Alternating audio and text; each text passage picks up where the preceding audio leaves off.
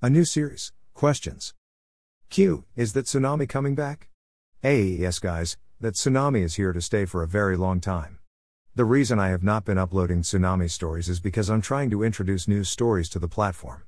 This site wouldn't be interesting anymore. I will upload tsunami stories soon. That's all the answers for today.